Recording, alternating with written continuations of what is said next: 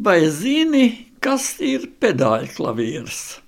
Droši vien gandrīz jebkurš mūsdienu cilvēks zinās, pazīs un būs redzējis klavieru pedāļus. Tādi mēdz būt no diviem līdz pat četriem. Pats galvenais no tiem iedarbojas ar stīgu slāpēšanas atcelšanu, kas skaņu paildzina, padara apjomīgu, daudzkrāsainu un dzīvu. Tā parasti tomēr ir salīdzinoši īslaicīga, visbiežāk pieskaņot attiecīgajā brīdī dominējošajam akordam, harmonijai, bet var būt arī ilgāka. Pianistu aprindās klīst spoku stāsts par studentu, kurš labi iemācījies Mocarta sonāts tekstu, bet nospēlējis visu skaņdarbu uz viena pedāļa. Radies skaņu jūklis, putra, bezjēdzība, vai tā bijusi tehniska kļūme, vai medicīnisks iedabas negadījums, spāzmas, krampji, vai arī demonstratīvs izlēciens. Par to vēsture klusē.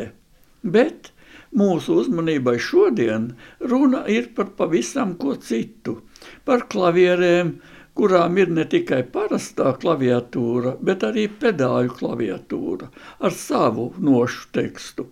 Pirmās ziņas, bet tikai ziņas Par to figurē jau no 15. gadsimta, kad nekādu klavieru šī vārda īstajā nozīmē vēl ne tuvu nebija.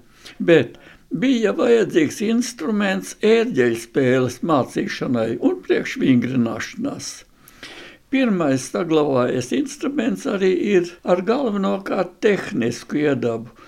Tas ir 1760.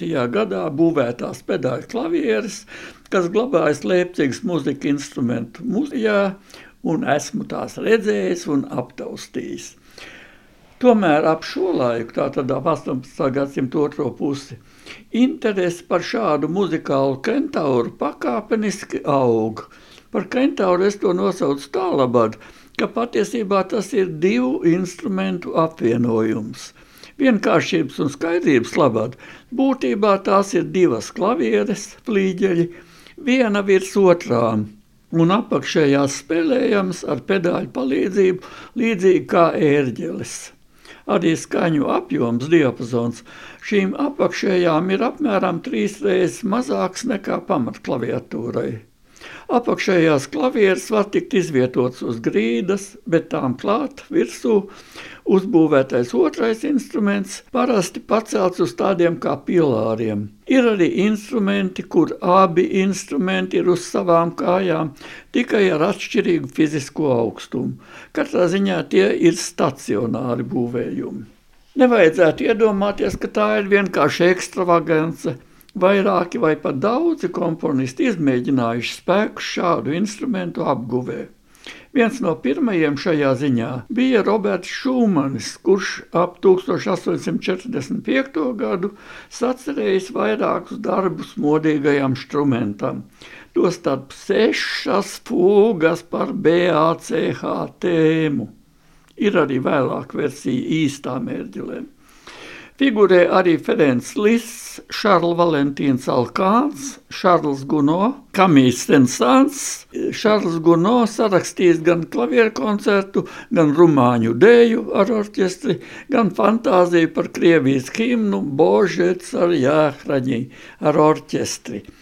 Pavisam Wikipēdija mums ziņo par 20 komponistu izlasi, kuri veltījuši uzmanību šādām pedāļu klavierēm, un diezgan negaidīti desmit no tiem ir mūsdienu autori. To vidū iezīmējas piemēram Ennio Morricone un viņa dēls Andrea Morricone. Ar skaņierakstiem gan ir diezgan švaki.